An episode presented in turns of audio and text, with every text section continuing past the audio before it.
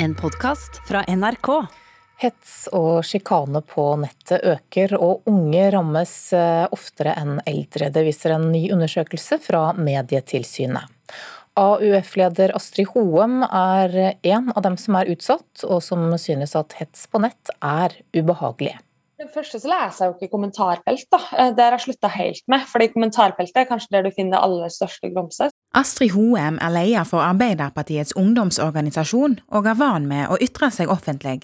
Men all netthetsen og sjikanen hun har opplevd, gjør at hun unngår å åpne meldinger fra ukjente på Facebook, Instagram eller lignende. Det er jo ofte dumt, for det kan jo være en del smarte tilbakemeldinger av noen som har opplevd noe man har snakka om, eller som har meninger om det som, som man burde ha lest.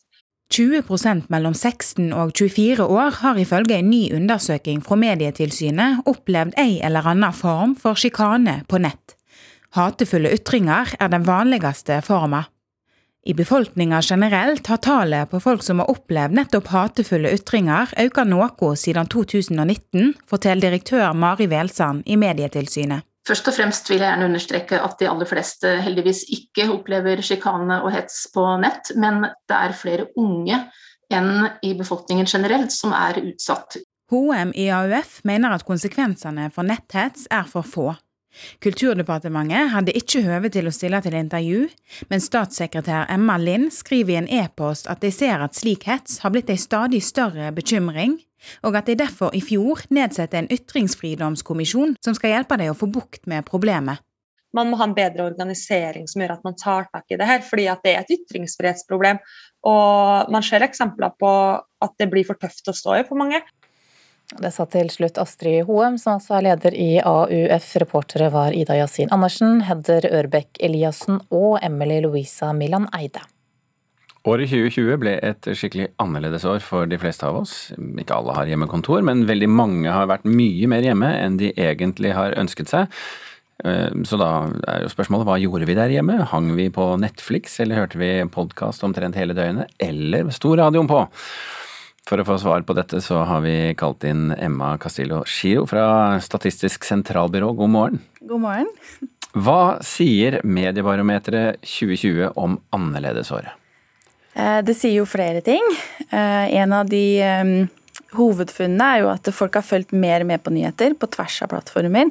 Det har vært en økt lesing av nettaviser spesielt, så den totale avislesinga har økt. Og så er det flere som har fulgt med på både nyheter på TV og på radio. Mm. Så den største, det er den største endringen? Ja, i tillegg til at det har vært eh, mye tid brukt til eh, strømming av både filmer og serier. Også at vi har hørt mer på lydmedier, da, både podkast og, eh, og, musikk. Spesielt de som hører på podkast, har hørt lengre på podkast. Ja. Um, og TV-tallene, da? TV-tallene viser faktisk at andelen som har sett på TV, har flata ut. For det har jo falt i mange år nå. Eh, helt siden det var over 80% så har det vært over eller under halvparten av befolkningen som så på TV i 2019. Men det har nå flata ut, slik at det har ikke fortsatt å falle videre. Så vi har ikke noe liv, altså? Det er det du sier? det er i hvert fall et liv prega av mediebruk, da, og det har også vært veldig verdifullt i 2020. Da, at vi har jo også mulighet til å ha kontakt med hverandre, og mange har vært på sosiale medier, spesielt kvinner har vært mer på sosiale medier enn menn. Og, og, til og med på sosiale medier så finner vi og leser og deler nyheter der også. Mm. Eh, det ser vi jo. Eh, men tilbake til radio, for nå er det jo i et radioprogram, mm. og det er jo mange som har dømt radioen eh, nord og ned. Spørsmålet vårt er hvordan går det egentlig med radio? Nei, Radio har også holdt seg stabilt, radiolyttinga i Norge. Og vi ser jo at flere har hørt på nyheter på radio, men også populærmusikk og underholdning har vært Eh, er noe folk har vært opptatt av. Og særlig sesongvariasjoner i radiobruken har vi også sett nesten litt eh, at de forskjellene har økt litt mer i 2020 da, ved at det er færre som har hørt på radio om sommeren, men flere som har hørt på vinteren da, i februar og i desember. Mm, holder jeg med dem i, skal jeg ja. fortelle. Eh, altså mer Netflix, mer podkast, men har vi lest flere bøker?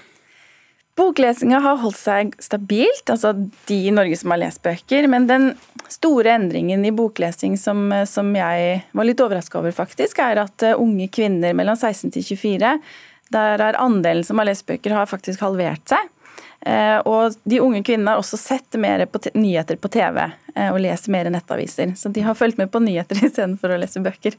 Men vi kan ikke snakke om mediebarometer uten å snakke om gaming, for det har dere også spurt både barn og unge og voksne om, egentlig. Mm. Så da er spørsmålet hva, hva har du funnet ut av de spørsmålene der?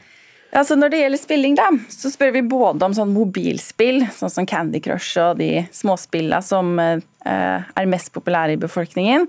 Så av de 35 som spiller eh, spill eh, digitalt i Norge, da, så er det småspill som er mest populært på mobiltelefonen. Og så er det faktisk 85% av de mellom 9 til 15 som spiller digitale spill en gjennomsnittsdag.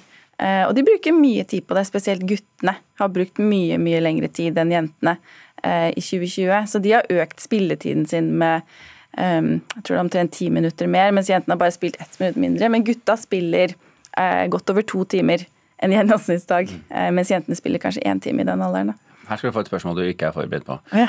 uh, ser folk mer dans på nett? Oi, det er faktisk et spennende spørsmål, fordi vi har jo holdt på med å utvikle um, spørreundersøkelsen for kulturbruk i Norge. Eh, så det kommer det faktisk spennende tall på. Der spør vi eh, hvem er det som ser på dans på altså på lokalene, og hvem er det som ser på dans på nettet. Så det kommer det faktisk tall for. Så gøy! ja.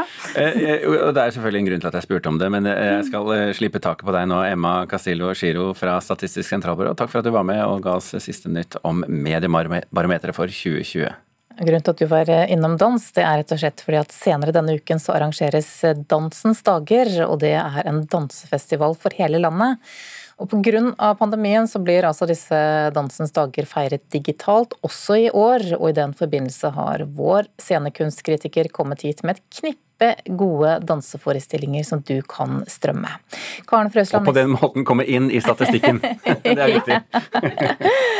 Karen Frøsland Nistel, eh, scenekunstkritiker, god morgen. God morgen. Før du avslører godbitene, aller først forklare oss hva er dansens dager? Altså, dansens dager er en, dag, en fest, som ble starta av Unesco for snart 40 år siden. Faktisk, det feires i over 60 land. Det er for å feire dansen, for å vise hva den kan bety for samfunnet og for enkeltmennesket. Som du sa, så blir den jo digital i år òg. Men i Norge så har vi hatt en tradisjon for å danse over flere dager. Skape festivalfølelse og i det langstrakte landet vårt har virkelig få tatt det helt ut.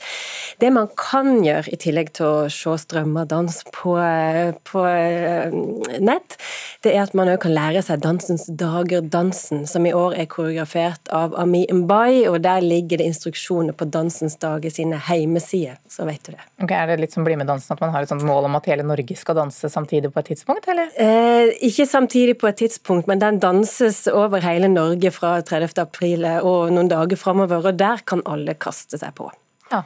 Det siste året så har jo mye av kulturlivet foregått digitalt for mange av oss. En undersøkelse fra Opinion viser en nedgang i digitalt kulturbruk i år, sammenlignet med samme periode i fjor.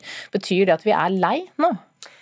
Ja, det betyr vel egentlig at vi er litt lei, tenker jeg. Og så, og så sier jo denne undersøkelsen òg at det skyldes mangel på digitale tilbud.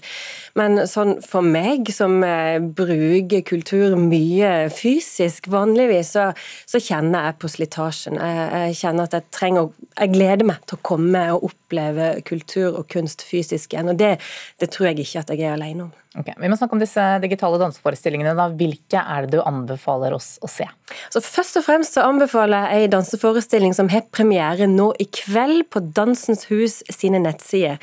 Det er med dansekompaniet Tabanka, og forestillinga heter Jazz Ain't Nothing But Soul. Eh, den er filma, den slippes som nevnt i kveld og spilles ut denne uka her. Tabanka er et samtidsdanskompani som som danser så, Altså henter dans fra dansen sine røtter i Afrika, i de karibiske røttene. Og Jazz Ain't Nothing But Soul er en forestilling om jazzdansen sånn som den var før den ble plukka opp i Amerika, og mellom der så er det jo et hav av vonde hendelser, hav av vond historie. Men dette er altså en utrolig vakker forestilling. Den er kraftfull og ut og uttrykksfull, veldig uttrykksfulle dansere i dette kompaniet. De har et band på scenen ledet av perkusjonisten Sidiki Kamara. Så det er en sånn helhet som gjør at jeg skulle virkelig ønske at jeg var i rommet mens det ble dansa. Eh, en virkelig vakker forestilling som ikke minst viser krafta av det mangfoldige Norge. Så den anbefaler jeg. Mm, den strømmes altså fra Dansens Hus, og så har du også med deg en forestilling fra operaen på denne listen din.